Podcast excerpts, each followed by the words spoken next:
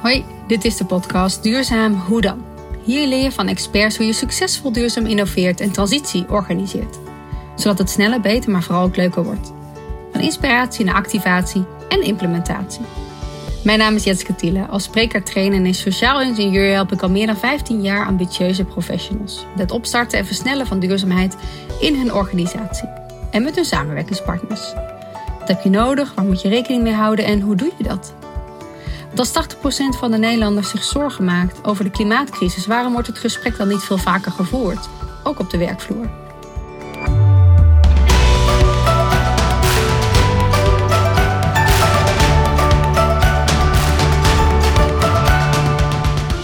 In deze podcast ontdek je alles over de transitie van mobiliteit. Van fossiele brandstoffen naar HV100 en elektrisch rijden. Hoe je best cases kunt inzetten om mensen in beweging te krijgen duurzame keuzes doen met je identiteit en waarom het belangrijk is om klimaatpsychologie mee te nemen in je gesprekken. Hoe je zonder moralistische vingers elkaar kunt inspireren om groene keuzes te maken. En hoe goed het is om soms je guilty pleasures of klimaatschaamte op tafel te leggen. Het is natuurlijk mooi bij PostNL dat het zo concreet is. Hè? Dus we moeten gewoon de overstap maken naar elektrische bus. En wat heel erg helpt is dat gemeentes hebben aangegeven van... hé, hey, het moet gewoon. Je, je komt gewoon na 20, 25 er niet meer in met je dieselvoertuig. Ja.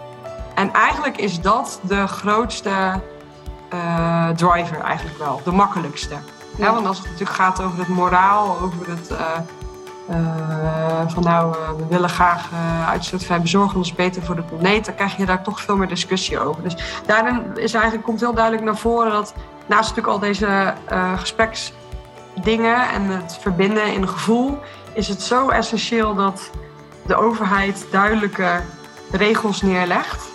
Ehm, eigenlijk kan je die ook naar gevoel koppelen, want het gaat, dan gaat het pijn doen. Dus het gaat pijn doen als PostNL als je niet uh, meer mag bezorgen. En vanuit die pijn ga je bewegen. Ja. Dus ja, uiteindelijk hebben we gewoon alles nodig uh, bij elkaar. Je hoort hier Lieneke Knijt, projectmanager duurzaamheid bij PostNL. Het sorteerwerk, de lopende banden en de eindeloze ritste pakketten in de distributiecentra, het hyper-efficiënte karakter van de processen verwondert haar nog steeds. Tegelijkertijd werkt ze er keihard aan om de duurzame bezorging van onze post en pakketten steeds verder te implementeren. De doelstellingen? In 2025 rijden bezorgbussen in 25 binnensteden uitstootvrij en in 2030 overal. Bovendien wordt er dan steeds meer energie lokaal opgewekt door de 33.000 zonnepanelen die op de platte daken van de distributiecentra liggen. De transitie gaat niet zonder slag of stoot, maar bij PostNL krijgt ze veel ruimte om te experimenteren en de dingen uit te proberen. Daarnaast zet ze zich in voor de Stichting Klimaatgesprekken om de dialoog over het klimaat aan te zwengelen. Hoe we het ook wenden of keren, volgens Lineke blijft verbinding het sleutelwoord. En de verbinding zoekt ze op in alles wat ze doet heel fijn om met haar ook te spreken over die kwetsbaarheid als veranderaar. Duurzaamheid versnellen volgens Lineke. Hoe dan? Veel luisterplezier.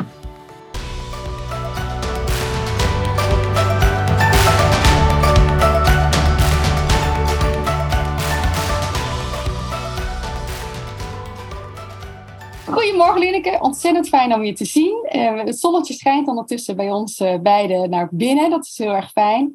En ik, uh, voordat ik aftrap, uh, ben ik natuurlijk heel benieuwd uh, wat voor voorwerp jij in huis hebt dat voor jou symbool staat voor duurzaamheid. Ja, hartstikke leuk. Ja, eigenlijk zit ik op dat voorwerp. want het is namelijk een, een stoeltje. ik heb er vier van deze. Het zijn houten stoeltjes. Die komen uit het NRC-café, het Mediapark. En die heeft een vriendin van mij uit Terneuzen, waar ik vandaan kom, ooit ja, opgehaald. En uh, zij heeft ze jarenlang thuis gehad. Een andere vriendin heeft ze ook weer thuis gehad. En ik heb ze toen weer overgenomen. En ik heb ze helemaal opgeknapt. Dus ik heb ze helemaal geschuurd en meerdere keren gebijtst. En een nieuwe zitting en gestoffeerd. En uh, ja, dan pas leer je van... Jeetje, wat kost dat ontzettend veel moeite als je dat zelf doet. Terwijl iets bestellen is natuurlijk veel makkelijker. Maar ik merk wel dat ik door die pijn en moeite die ik erin heb gestopt. En dat ik ze ook echt helemaal zelf heb kunnen maken. Dat ik veel meer liefde voel voor deze stoeltjes. Uh, ook omdat ze bij een vriendin vandaan komen. En uh, ja, dus dat... Uh, de, de, de waarde leren erkennen van bestaande materie, denk ik. mooi. mooi. Ja, en het zelf upcyclen. Ja. Je zei al heel mooi ook vanuit uh, hè, hoe makkelijk is het om te bestellen. Dat was ook meteen een van de redenen om uh, met jou verder in gesprek te gaan. Omdat het bestellen natuurlijk toch een onderdeel is geworden van ons, uh, van ons leven. En, en hoe, hoe de, de logistiek en de pakketjes. Dus, dus jij geeft daar onder, onder andere invulling aan bij, bij PostNL. Maar ook als mens ben je daarin heel inspirerend hoe jij anderen ook weer verder helpt om duurzaamheid te versnellen. Daar inzicht in te geven. Van die combinatie vind ik heel waardevol en heel leuk om je er daarom ook uh, vandaag over te spreken. Dus dank je wel nogmaals dat je te gast ja, wilt zijn. Dank je wel dat ik er mag zijn. Leuk. Leuk, leuk. En um, dus de vraag is eigenlijk van, goh, als je het hebt over, uh, over duurzaamheid, hoe geef je daar invulling aan uh, voor jezelf? Op welke manier doe je dat? Ja, ja, om inderdaad om met dat bestellen te beginnen, is volgens mij hoe ik het zie als mens, hè, vooropgesteld bij PostNL, is dat alle processen zijn zo ontzettend hyper-efficiënt ingericht. En dat vind ik ook echt verbazingwekkend. Ik, werk daar nu bijna anderhalf jaar en ik ging de eerste weken meelopen. En dan sta je in zo'n heel groot distributiecentra en hoe dat allemaal is opgetuigd. Hoe we dat met z'n allen hebben gedaan met die lopende banden en sorteren. En uh, ja, dat het dan naar de goot gaat en dat vanuit daar de chauffeurs het inladen en dat ze ook precies weten waar ze moeten bezorgen. Ja, dat vond ik echt uh, verbazingwekkend. Dus ik was vooral weer ja, verwonderd over hoeveel wij kunnen optuigen als mensen. Um, ja, en hoe ik daar verder invulling aan geef, is dat bij PostNL concreet uh, help ik mee met de implementatie van uh, duurzame bezorgen. Dus wij moeten in, in 2025 uh, eh, moeten in 25 binnensteden uitstootvrij bezorgen. En in 2030 overal, dus de gehele last mile, zoals wij dat noemen. Dus de last mile is vanaf het distributiecentrum tot aan jouw adres. Dat zijn dus de busjes die echt bij jou het pakketje bezorgen. En uh, uitstootvrij, wat betekent dat? Ja, goede vraag. Uitstootvrij is dus elektrisch. Hm. Dus we hebben nu wat te maken met transitiebrandstoffen, zoals HVO 100. Dat zorgt dan voor nou, 90% CO2-reductie ten opzichte van diesel. Uh, dat is een mooie oplossing, omdat je dan nu fossiele bronnen daarmee in de grond houdt. Uh, maar dat is niet uitstootvrij. Dus met het rijden op HV100 komt er alsnog wel wat methaan uh, vrij. Uh, nou, dat is natuurlijk niet optimaal voor de luchtkwaliteit en is dus, zorgt nog steeds voor uitstoot. Dus we moeten uiteindelijk allemaal naar elektrisch bezorgen toe. Dus dat is uitstootvrij. En er natuurlijk wel van uitgaande dat we dan de busjes opladen met, ehm, op groene energie. maar op alle distributiecentra van PostNL liggen zonnepanelen. Dus ja, volgens mij hadden we 33.000 zonnepanelen liggen. 33.000? Ja, en we hadden in 2022 hebben we meer dan 10 miljoen kilowattuur zelf opgewekt. Oh, wauw. Dat is veel. Ja, dus dat is echt heel veel. En uh, ja, overal zeg maar, doen we 52% van alle benodigde energie wekken we lokaal op. Dus dat is natuurlijk echt fantastisch. Ja, ja het is echt hoog, hoge cijfers, hè? Ja, zeker. Ja, en als je natuurlijk zulke platte daken hebt en zoveel ruimte, dan is het natuurlijk ja, fantastisch om dat te benutten voor zonnepanelen. Ja, ja. Maar dat betekent nogal wat, want toch, het is toch anders rijden. Je zei al van nou, het is andere brandstoffen. Dus, uh, dus jij kwam daarin voor de implementatie. En uh, nou, ik kan me niet voorstellen dat iedereen meteen zat te springen om uh, een ander, ander vervoersmiddel te gebruiken of anders te rijden. Wat voor effect heeft dat gehad voor de collega's? Um, ja, toen ik begon, toen waren er wel een paar busjes die op HVO100 rijden reden. En mijn taak was om dat eh, te optimaliseren. Ehm, en ja, ik merkte in het begin dat soms vond, is natuurlijk wel spannend. Want hey, je gaat een andere brandstof in een uh, ja, voertuig gooien wat normaal op fossiele diesel rijdt. Ehm, maar ja, juist omdat we natuurlijk al best wel wat best cases hadden. Hè, dus we konden al zien van kijk, het werkt gewoon met de bussen die er nu al op rijden. Is het ook makkelijker om dan de volgende groep ook weer mee te nemen. Uh, de grap is wel dat dealers bijvoorbeeld vaak sceptisch zijn. dus dan de dealers geven aan van nou, als iets mis is met de wagen, dan kan het liggen aan HV100. Terwijl dat is echt onzin, want het is een schonere diesel dan fossiele diesel. Dus dat, wat is het eigenlijk? Wat voor materiaal is het? Ken het? De HV100 is gemaakt van reststromen. Dus onder andere uh, ja, afvalvetten, zoals frituurvet, gebruikt frituurvet van de McDonald's. Um, ja, een ander soorten afvalvetten. En het kruist ook niet met, uh, met palmolieproductie of met uh, voedselproductie. Dus dat is het mooie daaraan. Dus uh, ja, misschien dat dat me ook wel fascineert. Juist ook met, die, hè, met, die maken, met het maken van stoeltjes of het upcyclen. Dat ik bij dit ook denk, ja, dat frituurvet is er toch al. Dus laten we daar maar iets mee maken waardoor we uh, onze dieselvoertuigen kunnen blijven gebruiken. En de meest belangrijke maatregel die we kunnen doen om opwarming tegen te gaan, is om fossiele grondstoffen in de grond te houden. Dus minder olie, minder kolen, minder gas. En daar helpt het gebruik van H400 enorm bij. Ja, tof. En in die, je zegt al terecht hè, van, goh, we hebben op een gegeven moment een eerste groep gehad die dus uh, ging opstarten. En daardoor was de tweede groep al wat sneller bij. Maar hoe heb je, hoe heb je dat concreet gedaan? Want het is natuurlijk best uh, een interessant gesprek wat je zo met ze voert. Ja, ja ik denk dat ik, ik, ik liet heel erg zien wat er al gebeurde. Dus ik heb heel erg die best cases uitge, uh, uitgelicht. En ik geloof ook wel dat je zo ook uh, groepen in beweging uh, kan brengen. Dus ik heb, uh, als ik een voorbeeld mag geven van een andere, andere baan die ik heb gehad. Ik heb vier jaar lang bij een zonnepanelenbedrijf gewerkt. En ik heb daar onder andere buurtcampagnes georganiseerd.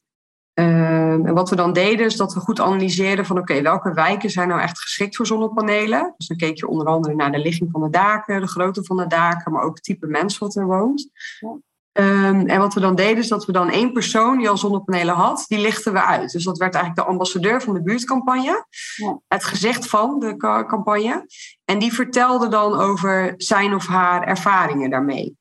Um, en ook bijvoorbeeld op het gebied van installatie. Dus je merkt dat mensen vaak een drempel voelen van, oh, gaan ze dan niet het hele huis uh, ophalen? Of gaan ze dan. Ja. Um, uh, ja, waar gaan ze dan de bedrading doorheen doen?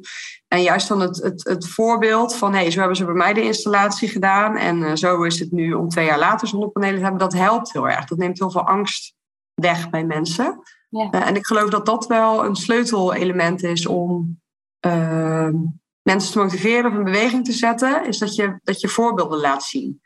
En die persoon, die ambassadeur, die was ook uh, bereidwillig om altijd vragen te beantwoorden. Dus die had gewoon een mailadres waar mensen naartoe konden mailen. Ze konden ook langsgaan bij die persoon thuis om te kijken. En dat, ja, dat, dat wekt vertrouwen op.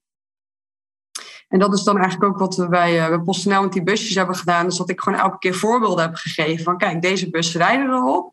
Dat gaat goed. We zien zelfs dat het verbruik soms ietsje lager ligt dan uh, met fossiele diesel. Zo echt een heel klein beetje, maar soms wel. En uh, ja, dat, dat wekt gewoon vertrouwen op. Ja. Dat betekent dat ze ook letterlijk andere routes moesten rijden om te tanken? En, en, of andere, andere busjes ook moesten gebruiken, of dat niet zozeer? Nee, dus het mooie van H400 is dat het gewoon direct in dieselvoertuigen kan. Dus je hoeft dan ook je voertuig niet aan te passen. hoeft ook geen motoraanpassingen plaats te vinden. En um, ja, kijk, het bezorgen van die pakketten binnen de efficiency-regels, is gewoon het belangrijkste. Hè? Dus ook als jij iets bestelt en het wordt tussen twee en vier bezorgd, dan wil je gewoon dat het tussen twee en vier bezorgd wordt. Um, dus het omrijden, dat moet echt minimaal zijn. Dus we hebben gezegd, nou, je mag max vijf minuten omrijden om H400 te gaan tanken. Nou, er zijn inmiddels ruim 190 H400 tankstations in Nederland. Dus daarin is gewoon heel veel mogelijk. Er zijn wel een paar uh, plekken alsnog waar depots zijn van ons waar geen H400 tankstations zijn. Dus uh, Amsterdam, uh, Haarlem, Utrecht. dat zijn echt nog ehm, ja, zwarte gaten, zoals we dat noemen. Dus daar, moeten we, daar moet het echt gaan komen. Daar was het omrijden gewoon te ver. Maar we zien dat bij de 70% van de depots dat het gewoon lukt om al die dieselvoertuigen op H400 te zetten. Ja. ja, je zegt al heel mooi van nou, de focus is efficiëntie. En ja. dan mij ook al van, goh, ja, ik heb nog nooit, nooit ergens de knop gezien van, joh, maakt niet uit, doe het maar een keer wanneer het jullie uitkomt. Als het volgende week of de week daarna komt, ook goed. Is dat nog iets, uh, ja, waar, hoe zijn jullie daarmee bezig? Ja, dat is grappig. Dat is echt een van de eerste vragen die ik stelde toen ik uh, kwam werken bij PostNL. Want intuïtief lijkt dat een hele uh, duurzame optie. Ja? Van, nou, het maakt me niet uit wanneer het wordt bezorgd. Kijk maar even wanneer je het meeneemt. Ja. Maar het, um, uh, het ding is dat al die processen zo gericht zijn op snelheid en efficiëntie. Die pakketten moeten eigenlijk zo snel mogelijk weer naar de volgende stap. Zo snel mogelijk de deur uit. Dus op het moment dat je zegt, nou, het maakt me niet uit wanneer het wordt bezorgd, dan moet, moet je het ergens opslaan. Hmm. En opslag betekent ook weer CO2-uitstoot. Hè? Want dan moet je het ergens langer huisvesten. Dat kost dan ook weer energie. Daar moet iemand op letten. Dus het, eigenlijk is het het meest duurzaam om alles zo snel mogelijk um, ja, er doorheen te trekken hoe de processen nu zijn ingericht in elk geval. Ja, ja, Pieter, ik vond dat wel een eye-opener. Ik denk, oh ja, ja het, het, we hebben het ook echt zo ingericht met elkaar dat het op die manier ook door de flow uh, moet, uh, moet gaan. Uh, ja. Op die manier. Ja. En andersom, want jullie werken niet alleen met eigen busjes, maar natuurlijk ook met, met, met collega's of, of hè, die ook voor jullie rijden.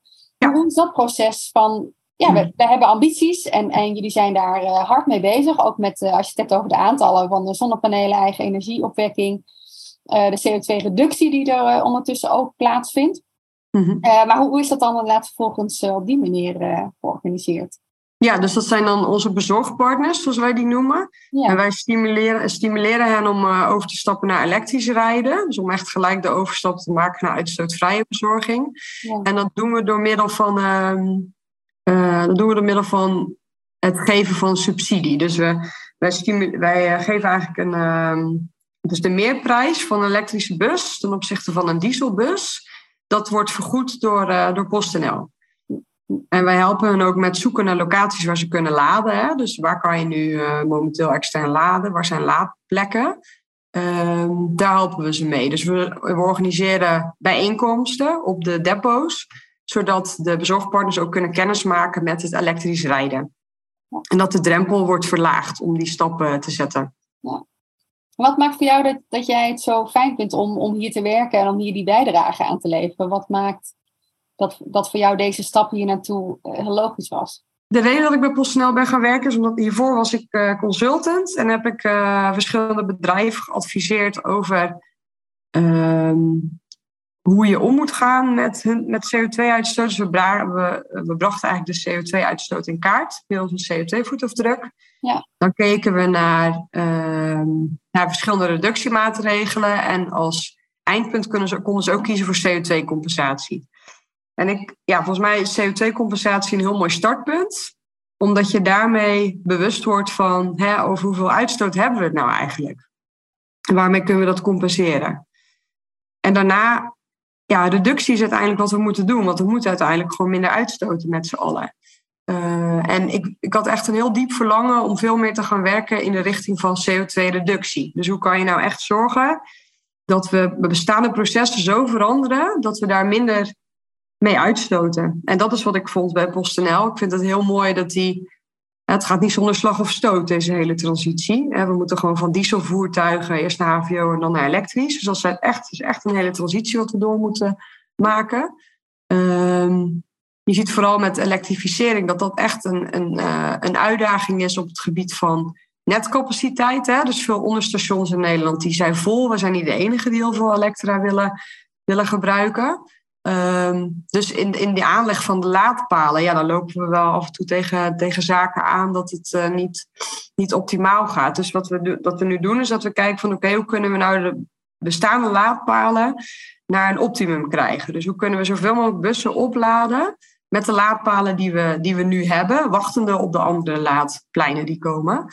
Ehm, ja, daar moet je wel creatief in zijn en daar moet je ook wel een beetje de grenzen durven op te zoeken. Uh, binnen natuurlijk de normen die, eh, die kunnen. Maar dat vind ik een hele mooie, leuke puzzel. Uh, omdat je daarmee ook verspilling heel erg tegengaat. Dus je ziet dat nu bijvoorbeeld bussen komen terug. Die staan de hele nacht aan de laadpaal. En dan de dag erna gaan ze weer rijden. Maar dat betekent dat ze soms 14 uur aan de laadpaal staan. Terwijl ze in 3,5 uur bijvoorbeeld al opgeladen zijn. Dan heb je eigenlijk te maken met verspilling. Dan heb je dus echt een aantal laadpaaluren. Waarin je een andere bus zou kunnen opladen. Dus hoe ga je daar dan mee om? En wil je dat iemand dan zelf die busjes gaat verrijden? Of hoe kan je zo slim mogelijk omgaan met omstekkeren? Oh ja, ja. interessant. Kan je daar een voorbeeld van noemen? Van hoe jullie daar uh, qua oplossingsrichtingen mee bezig zijn? Ja, dus dat, die zijn we dan nu uh, verschillende pilots mee aan het draaien. Om te kijken hoe we, dat, ehm, hoe we dat optimaal kunnen inzetten. Met verschillende laadschema's. Ja, we zijn nu heel erg in de onderzoekende fase. Maar we, ehm, ja, het leuke vind ik bij PostNL is dat we echt dingen kunnen uitproberen. En dat je ook met goede analyse ook daarna kan kijken van oké, wat zijn nou inderdaad echt oplossingsrichtingen. Uh, dus het is echt trial and error op dat gebied. Dat vind ik heel erg leuk.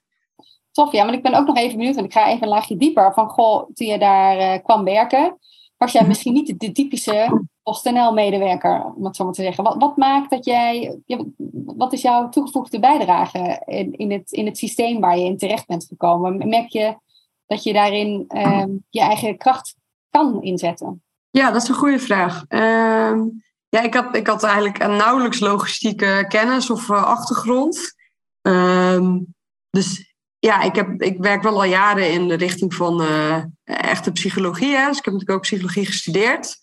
In 2012 heb ik afgestudeerd als sociaal psycholoog. En ik heb toen juist besloten van ik vind gedrag, ehm, wat, wat onderliggend is aan die klimaattransitie, dat vind ik eigenlijk het meest interessant. En ja, ik vind, dat vind ik ook bij PostNL het meest interessant. Hè? Van wat gebeurt er nou eigenlijk ehm, als we iets veranderen? Hè? Dus die overstap van diesel naar elektrische bus. Wat, wat gaat er nou in die chauffeur om? Hoe kan je het voor die chauffeur zo comfortabel mogelijk maken om die, uh, om die overstap ook zo soepel mogelijk te maken? Uh, ja, dat, dat behoeft wel echt zachte vaardigheden.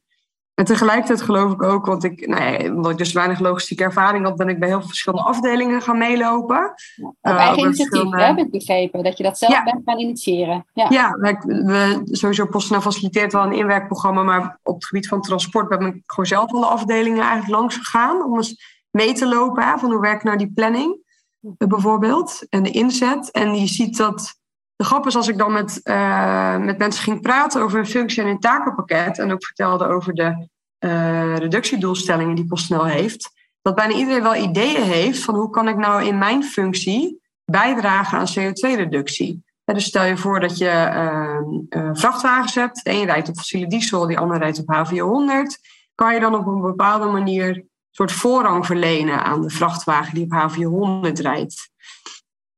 Uh, en natuurlijk zit daar ook wel weer, dat is ook weer een complexe puzzel, want als die uit Groningen moet komen en moet naar Zeeland, ja, wat, wat is dan het, wanneer heeft het dan meerwaarde om dan te kiezen voor een HVO 100 vrachtwagen ten opzichte van een dieselvrachtwagen? Ja, ja, ja. Ik geloof dat het meten van CO2-uitstoot ook intern, hè, dus dat je dat, dat je dat laat zien aan alle medewerkers, van hey, jouw handelen veroorzaakt deze CO2-uitstoot, dus aan welke knoppen kan jij draaien om die zo laag mogelijk te maken? Ik geloof dat dat heel veel kan bijdragen. Dus daar zijn we ook inderdaad ook nu mee bezig om te kijken hoe we ja, werknemers gewoon meer inzicht kunnen geven daarin.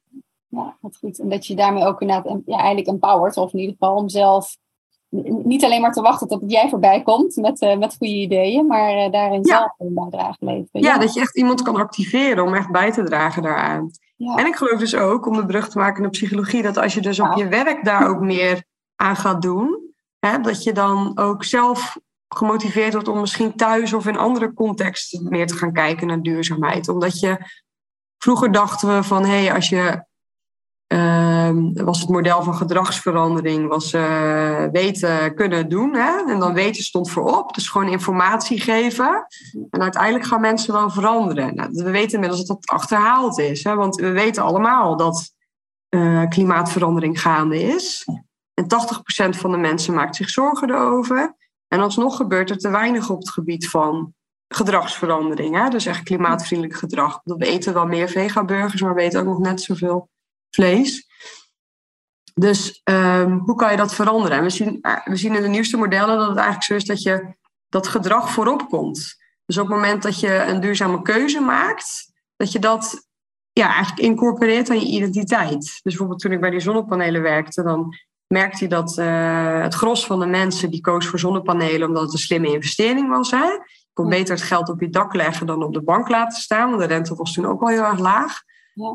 Um, maar dat als je ze dan een paar jaar later sprak, dat, dat je dan, uh, want we hadden eigenlijk ook bijproducten die we dan uh, verkochten, dus isolatie, en we gaven ook advies over elektrisch rijden, dat mensen dan veel meer geïnteresseerd waren ook in andere duurzame maatregelen, omdat ze zeiden, ja, ik heb zonnepanelen, dus dan vind ik ook wel dat het erbij hoort, of ik ben ook nu ook wel daarin geïnteresseerd. Dus het doet echt iets met je identiteit, als je, een, uh, als je een duurzame stap neemt. En die eerste stap is echt het belangrijkste. En die moet dus ook zo simpel en leuk mogelijk zijn. Ja. En ik denk dat dat bij PostNL, ja, we zijn een van de grootste werkgevers van Nederland, uh, 35.000 medewerkers. Ja. Als je die allemaal uh, kennis kan laten maken met het eerste stapje op het gebied van duurzaamheid.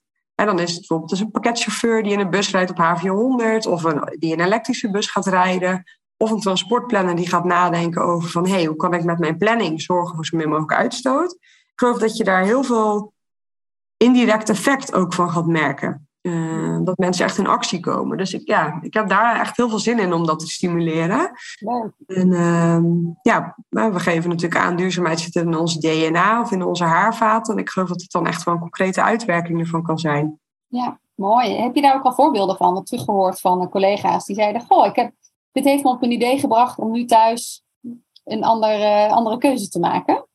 Ja, ik merk wel, want ik, ik zit dan in team uh, duurzaamheid. We zijn met z'n veertienen. En je merkt wel dat wij onderling ook veel die gesprekken hebben. Hè? Dus bijvoorbeeld, we hebben natuurlijk net kerst uh, gehad. Ja. En uh, dan in de app gaat het ook wel echt veel over... oké, okay, hoe kan je nou de meest duurzame keuze maken op het gebied van een kerstboom? Moet je geen ja. kerstboom? Moet je plastic kerstboom? Hoe lang moet je die plastic kerstboom dan hebben om uh, ja, duurzaamheidswinst te hebben... ten opzichte van een echte kerstboom? Moet je wel of zonder kluit? Ja. Ja, dus dat, dat vind ik heel grappig. Dat je dan daar elkaar ook wel weer in activeert of stimuleert. Ja, ja. En daar kan misschien ook niet alles meteen perfect zijn. Maar het feit dat je dat gesprek erover hebt van... Goh, ja, hoe zit dat eigenlijk? Dat dat al interessant is. Ja. Het leuke van wat jij benoemt is dat je eigenlijk zegt van... Goh, dat de werkplek juist de inspiratiebron kan zijn voor een duurzaam leven. Terwijl ik vaak in mijn bijeenkomst het andersom doe. Dat ik juist het leven als inspiratiebron van hoe kan ik dat in mijn werk implementeren. Dus dan gaat het meer over van, goh, wat doe je thuis? En een voorbeeldje als mensen bijvoorbeeld zeggen, ja, ik, ik heb zo'n bijenwas, uh, um, doe ik zeg maar, om mijn boterhammen in uh, te vervoeren. Dus die kijken naar mijn verpakkingsmaterialen heel bewust. Dat dat een inspiratiebron kan zijn van, goh, hoe doen wij dat eigenlijk met onze leveranciers met verpakkingen?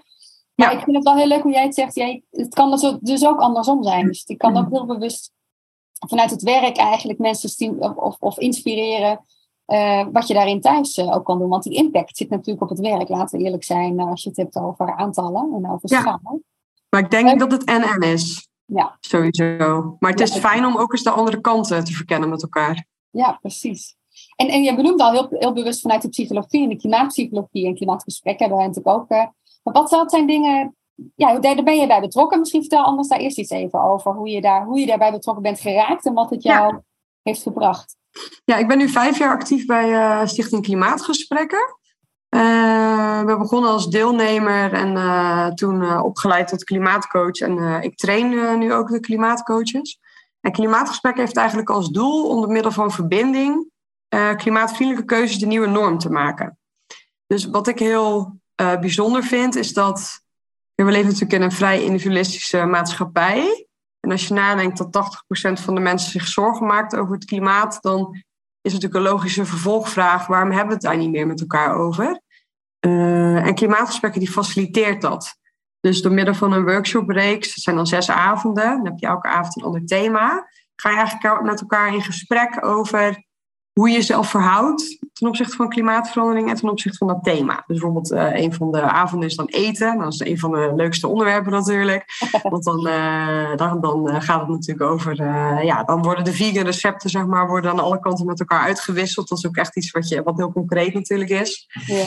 Bijvoorbeeld vervoer en vakantie, die is, die is vaak wat spannender. Hè? Dus je ziet dat heel veel mensen natuurlijk... Ik heb dat zelf ook. Ik hou heel erg van reizen. Ik wil eigenlijk al jaren naar Japan. Maar ik heb toch echt moeite om het vliegtuig in te stappen. Omdat ik denk dat ik dan niet bijdraag aan de juiste beweging. En natuurlijk kan je dat ook uh, wel weer voor jezelf natuurlijk rechtpraten. Dus je kijkt hoeveel CO2 ik reduceer in mijn werk. Nou, dan kan ik uh, 500 keer op en neer naar Japan vliegen. Maar dat, dat is volgens mij niet hoe het, hoe het werkt, weet je wel. Dus ik, ik wil gewoon... Um... Dus wat, wat er gebeurt in die workshopreeks is dat, je, dat mensen elkaar inspireren en motiveren. Van, oh, en dan vertelt iemand over, nou, ik ben met de trein naar Spanje geweest en dat heb ik zo en zo aangepakt. En oh, dat is eigenlijk best wel, dat kan eigenlijk best wel. En nou, zo, zo motiveer je elkaar eigenlijk tot het maken van klimaatvriendelijkere keuzes. En het is niet dogmatisch, hè? het is niet van je moet het doen. Uh, als iemand anders nog zegt van, nou, ik heb voor mezelf besloten, één keer in de vier jaar mag ik een verre reis maken met het vliegtuig. Ja, dat is oké. Okay. Het gaat erom dat je bewust voor jezelf die keuzes maakt, ja. afweegt hoe het voor jou klopt en hoe het voor jou past. En het met elkaar bespreken, open en eerlijk. En juist niet perfectionistisch zijn. Mm-hmm. Passievol en eerlijk. Dat, dat zorgt ervoor dat mensen ook voor zichzelf die afweging kunnen maken. Ja. Uh, en, ja, dat je meer gesteund voelt tot het maken van uh, ja, misschien wellicht andere keuzes of, of beter doordachte keuzes. Want als je gewoon maar doordraait in het systeem, dan denk je gewoon, ja, ik ga gewoon naar Spanje vliegen. Dat is het goedkoopst en dat is het snelst. En, uh, ja. ja. Ja, het, het maakt dat het dan toch heel fijn is om dat um, in een soort, soort van sociale veiligheid of eh, in die groep te doen. Ja. En waarom kan dat niet in de kantine? Of kan dat dan niet tijdens het kerstdiner? Of, uh, of tijdens het gesprek met de buurman? Dus er is toch iets waaronder ja. nog um, dat, dat bewust soort van apart nog georganiseerd moet worden. Ja, ik vind het zou veel normaler moeten zijn om te kunnen praten over je zorgen over het klimaat. Hè? Ja heel vaak heb, en dat heb ik zelf ook gehad, ik wilde nooit een soort uh, ja, doen of een soort spelbreker zijn. Ik dacht, het is zo zwaar om erover te praten. En uh, daarom heb ik het ook heel lang niet gedaan. Ja. Uh, en bij klimaatgesprek heb ik echt geleerd hoe je het gewoon op een ja, toch luchtige, constructieve manier kan benoemen. Ja, dus dan uh, als iemand bijvoorbeeld heel veel vliegt of zo, dan, ja, dan kan ik nu wel gewoon aangeven van oh, wat tof dat je zoveel reizen maakt. Tegelijkertijd heb ik voor mezelf besloten om niet meer zoveel te vliegen, want ik maak me echt zorgen over het klimaat. En dat is natuurlijk de crux. Als je het bij jezelf houdt ja. en je gaat niet met een vingertje wijzen naar de ander, je wordt niet moralistisch. Ik geloof dat je dan hele mooie verbindende gesprekken kan hebben. Ja. En misschien dat die ander zegt, nou, ik maak me helemaal niet zo zorgen, weet je. Dat kan. Of die ander zegt, ja, ik maak me ook zorgen, maar ik wil ook reizen. Nou, zoiets, weet je. Dat is zo'n ja. Ja. Ja, ik kan me voorstellen, want ik weet niet hoe jij dat merkt in jouw omgeving. Kijk, mensen weten natuurlijk dat ik met duurzaamheid bezig ben. Dus zonder dat ik ook maar iets zeg, krijg ik ook heel vaak van, ja, sorry, ja, ik ging ja. Dat bijna excuses maken voor hun keuzes. En ik probeer elke keer weer, nee, het maakt niet uit, dus het zijn jouw keuzes. Ik ben ook niet perfect, dus ik probeer ook wel vaak ook te laten zien dat ik ook niet altijd de meest duurzame keuze maak. En niet om, om het goed te praten, maar wel om, om ja, dat, dat we nog in verbinding blijven. Ja. Ja, exact. Dat merk ik ook. Heel vaak komen mensen een soort van biechten bij mij. Ja, ja. jij bent uh, degene die het helemaal groen legt. Maar dat is natuurlijk totaal niet zo. Ik bedoel, nee. uh, we zijn allemaal mensen en ambigu. En uh, ja, dat is grappig. Dat herken ik ook. Ja. Ik heb het trouwens wel een keertje gedaan tijdens een bijeenkomst met rondom duurzaamheid. Dat we onze, maar even klimaatschaamte of ons duurzame dilemma uh, echt in een rondje hebben uitgesproken. Dus eigenlijk dingen dat je denkt, oh, ik durf het eigenlijk niet te zeggen. Maar uh, dat was heel bevrijdend. We hebben ontzettend om zitten lachen. En toen was het ook van, nou, en nu gaan we weer door met het duurzaamheidsprogramma. Dus het was ook, oh, ook soms even fijn om, om met elkaar uh, dat dan gewoon ook uit te spreken als dat, als dat nodig is. Ja, ja, bij klimaatgesprekken noemen we dit de guilty pleasure. Dus daar beginnen we ook vaak mee in de groep. Dat zegt, nou, wat is nou jouw guilty pleasure? Ja. En dan zegt bijvoorbeeld iemand, ja, ik hou echt ontzettend van de sauna. Maar ik weet, dat is zo energie-intensief. Dus ik ga er ook altijd een beetje met gemengde gevoelens heen. Aan de ene kant heb ik heel veel zin in. Ik ben heel ontspannen. Tegelijkertijd voel ik me een beetje schuldig over de energiegebruik. Dus, maar dat geeft heel veel lucht en ruimte als je dat kan bespreken met elkaar. Dat niemand perfect is. Nee, nee, precies. Dat is goed. In hoeverre gebruik jij dus ook noem maar even die kennis. Ook, het is ook een stukje theoretische achtergrond natuurlijk. Van goh, hoe werkt ons gedrag? Hoe, hoe werkt dat? Uh, hoe, uh, hoe, ga je om in die gesprekken? In hoeverre gebruik je dat of pas je dat ook toe uh, op je werk? Ja, ik denk dat dit.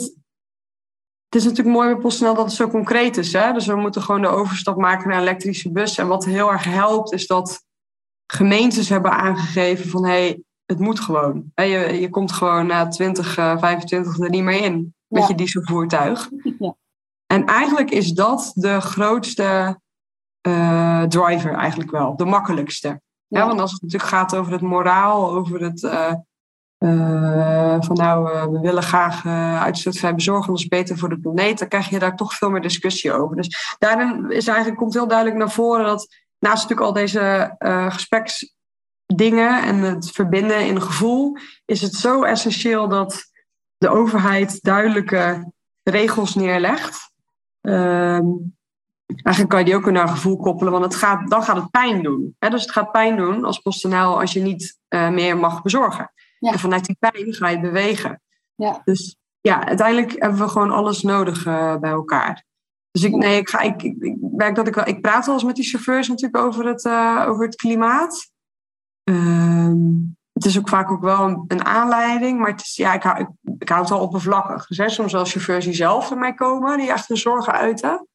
Um, maar ja, ik, ja dus het, is, het, is, het is natuurlijk wel minder dan wanneer je in klimaatgesprekken zit met elkaar. Ja. Dan kiezen mensen er echt voor bewust van ik wil hier gewoon twee uur over praten en doorvoelen. Dat is, op, ja, op werk is er vaak geen tijd voor. Nee. Nee, het is echt een ja, andere omgeving. Of de plek is er dan nog niet voor misschien. Eh. Ja. Ja. ik moet in één keer denken aan, eh, ik weet niet of dat...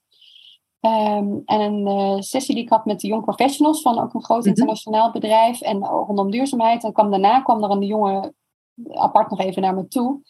En die vroeg aan mij echt met bijna al tranen in zijn ogen van, wat denk je dat het nog goed komt? En, uh, en ik kreeg ook echt bijna zo'n brok in mijn keel van, ja, dat vind ik een moeilijke vraag. Weet je wel, zo van, goh, heb je het wel eens met iemand over? Hij zei, ja, nee, ja, ja ook, met, eh, ook al gaat het hier over duurzaamheid, ik voel me toch niet helemaal. Ik ben daar heel erg mee bezig. Ik maak me echt heel erg zorgen. En ik was zelfs uitgegaan met zijn verkering, omdat hij heel erg bewust geen kinderen uh, zou willen, uh, omdat hij het niet zag gebeuren. En ik, oh, dat, dat deed me ook zozeer. Ik denk, oh, dat is echt gewoon die nieuwe generatie die met name alleen dus aan het stoeien was. Ik vond dat, dat vond ik echt wel heel triest, met name om te zien. Ja. doorgepraat over uh, hoe, je de, hoe hij de verbinding met zijn collega's uh, zou, eventueel zou kunnen maken of mensen in zijn omgeving. Maar ik denk, oh ja, dat, is, is, dat een groter probleem dan wat we misschien denken? Dat, het, dat we het niet doorhebben hoe, hoeveel zorgen sommige, en met name de jonge generatie, zich eigenlijk daarover maakt. Ja, ik denk het wel. Ik vind het echt, als je dit zo zegt, krijg ik gelijk kippenvel. Ik vind het zo. Maar als je kijkt naar de, de populariteit van Extinction Rebellion, dat, hoe snel die gegroeid zijn en ook hoe dat gegroeid is van donkergroen naar lichtgroen. Hè? Want ik ben wel eens meegegaan met een protest en dan zie je dat. Ja, dat zijn, dat zijn dokters, dat zijn uh, gewoon mensen zoals jij. Dat zijn niet per se.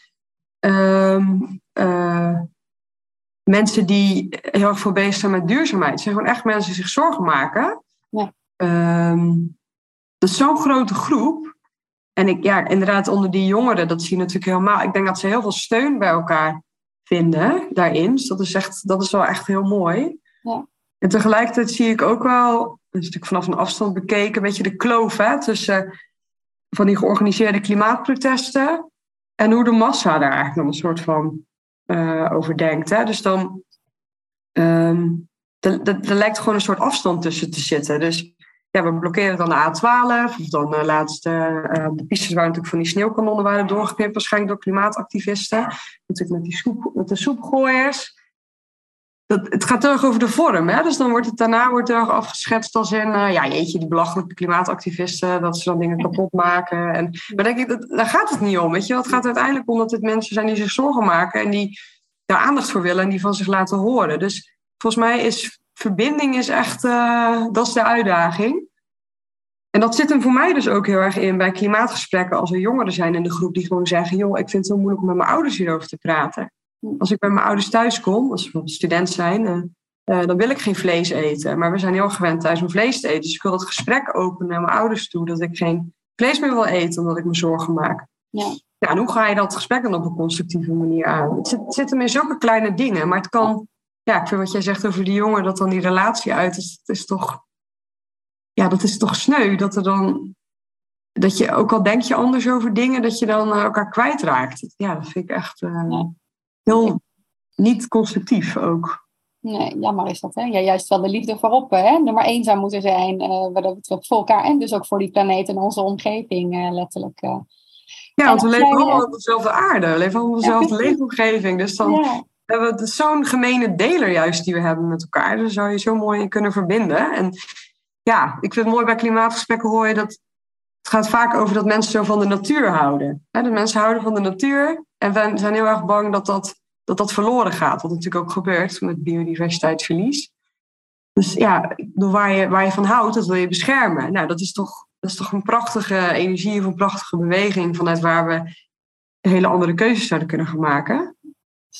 Ja, ik vind het wel heel wat zou jij, uh, Wat zou jij uh, de jong professionals willen, willen adviseren als die in een uh, in een organisatie komen werken, misschien wel als specifiek rondom duurzaamheid, of als ze dat zouden willen, hoe ze daarin uh, uh, kunnen bewegen. Wat, wat, zou, wat zou jouw advies zijn um, naar hun?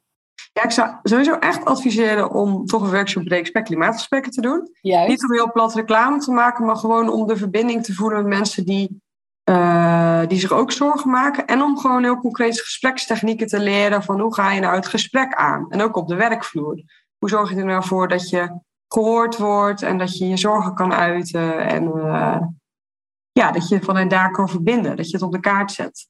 Ja, mooi.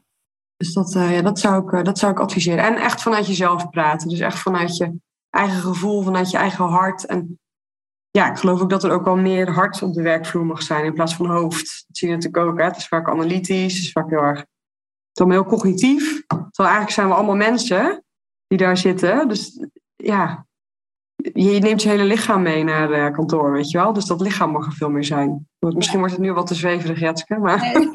ik hou er wel van, dat weet je. Dus dat is helemaal prima. Ja, ik, nee, ik, ik, ben het er helemaal mee eens. Want ik denk als je, het, als je, als je juist vanuit het gevoel gaat kijken naar, naar de situatie waar we met elkaar in zitten, dan is het juist logisch dat we veel meer van dit soort keuzes gaan maken.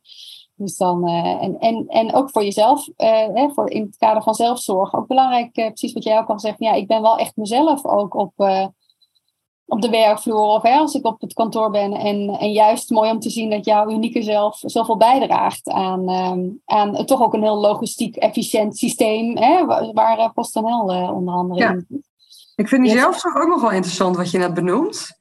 Uh, want wat ik ook wel veel. Ik doe vanuit klimaatpsychologie ook sessies. En ik had laatst een sessie bij de Denktank. En dat ging over het omgaan met biodiversiteitsverlies. Dus er zat gewoon een hele grote groep met jongeren die bij bedrijven dan opdrachten doen over biodiversiteitsverlies. En eigenlijk merkten: oké, we voelen hier heel veel bij. Maar in die corporate uh, omgeving is daar geen ruimte voor. Dus die wil daar een aparte sessie voor. Dat heb ik begeleid. Mooi. Het was echt heel bijzonder. En ook gewoon bijzonder dat ze daar ook tijd voor namen en ruimte. En uh, een van die dingen die daar voorbij kwam was ook zelfzorg. Hè? Dus je ziet dat zij willen zo graag dat ze daar continu mee bezig zijn. En ik moet meer doen en ik moet harder en ik moet meer impact maken. Herken ik ook trouwens heel voor mezelf. Maar het is, het is echt oké om het soms gewoon even helemaal los te laten. Hè? Dus om even gewoon geen nieuws te lezen over klimaatverandering. Of even gewoon naar buiten te gaan en even te wandelen. En het, uh, of een drankje te gaan doen met een vriend of vriendin. Het even echt loslaten. Dat is echt oké. Dus ik denk dat die, die zelfzorg, dat staat echt voor op. Dus eerst goed voor jezelf zorgen en dan pas kan je goed zorgen voor, uh, ja, voor de planeet en voor je omgeving. Ja. Kom je toch weer op dat stomme maskertje uit in dat vliegtuig, hè? wat natuurlijk altijd door coaches wordt gebruikt als voorbeeld.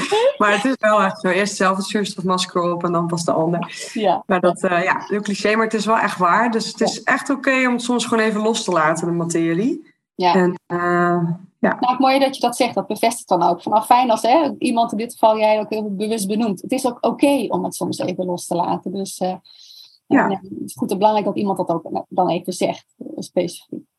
Ja, in het kader van ontspanning en zelfzorg, niet of het gelukt is uh, om na te denken over een liedje in, in, in, in de ontspanning. nee, nog niet. Oh, ja. Ja, volgens mij, ik had al een liedje toch, volgens mij, hebben we het over gehad. En, uh, take it slow. Ja, van, uh, John Legend. Ja. en dus niet dat ik vind dat we langzamer moeten gaan met de klimaattransitie. liever niet. Maar ik merk wel bij mezelf dat ik vanuit uh, ontspanning ook meer gedaan kan krijgen. Dus ik weet niet of je dat kent. Soms heb je van die gejaagde dagen dat je zo heel hard aan het beuken en aan het rennen bent om alles voor elkaar te krijgen. Ja. Versus van die dagen dat je heel ontspannen en relaxed bent en dat je dan aan het eind van de dag denkt: Oh, ik heb eigenlijk heel veel gedaan.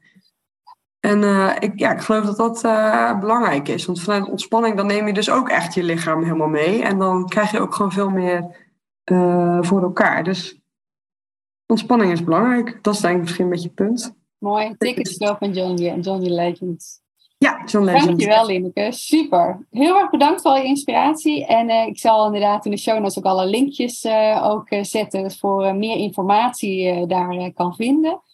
En ik wens je een hele rustige dag vandaag. Uh, spanning, heel veel impact. En, uh, dankjewel voor de inkijkje wat je hebt gegeven. Ja, jij heel erg bedankt. Vond het echt superleuk en inspirerend. Dankjewel, Lineke. Fijne dag, hè. Doei!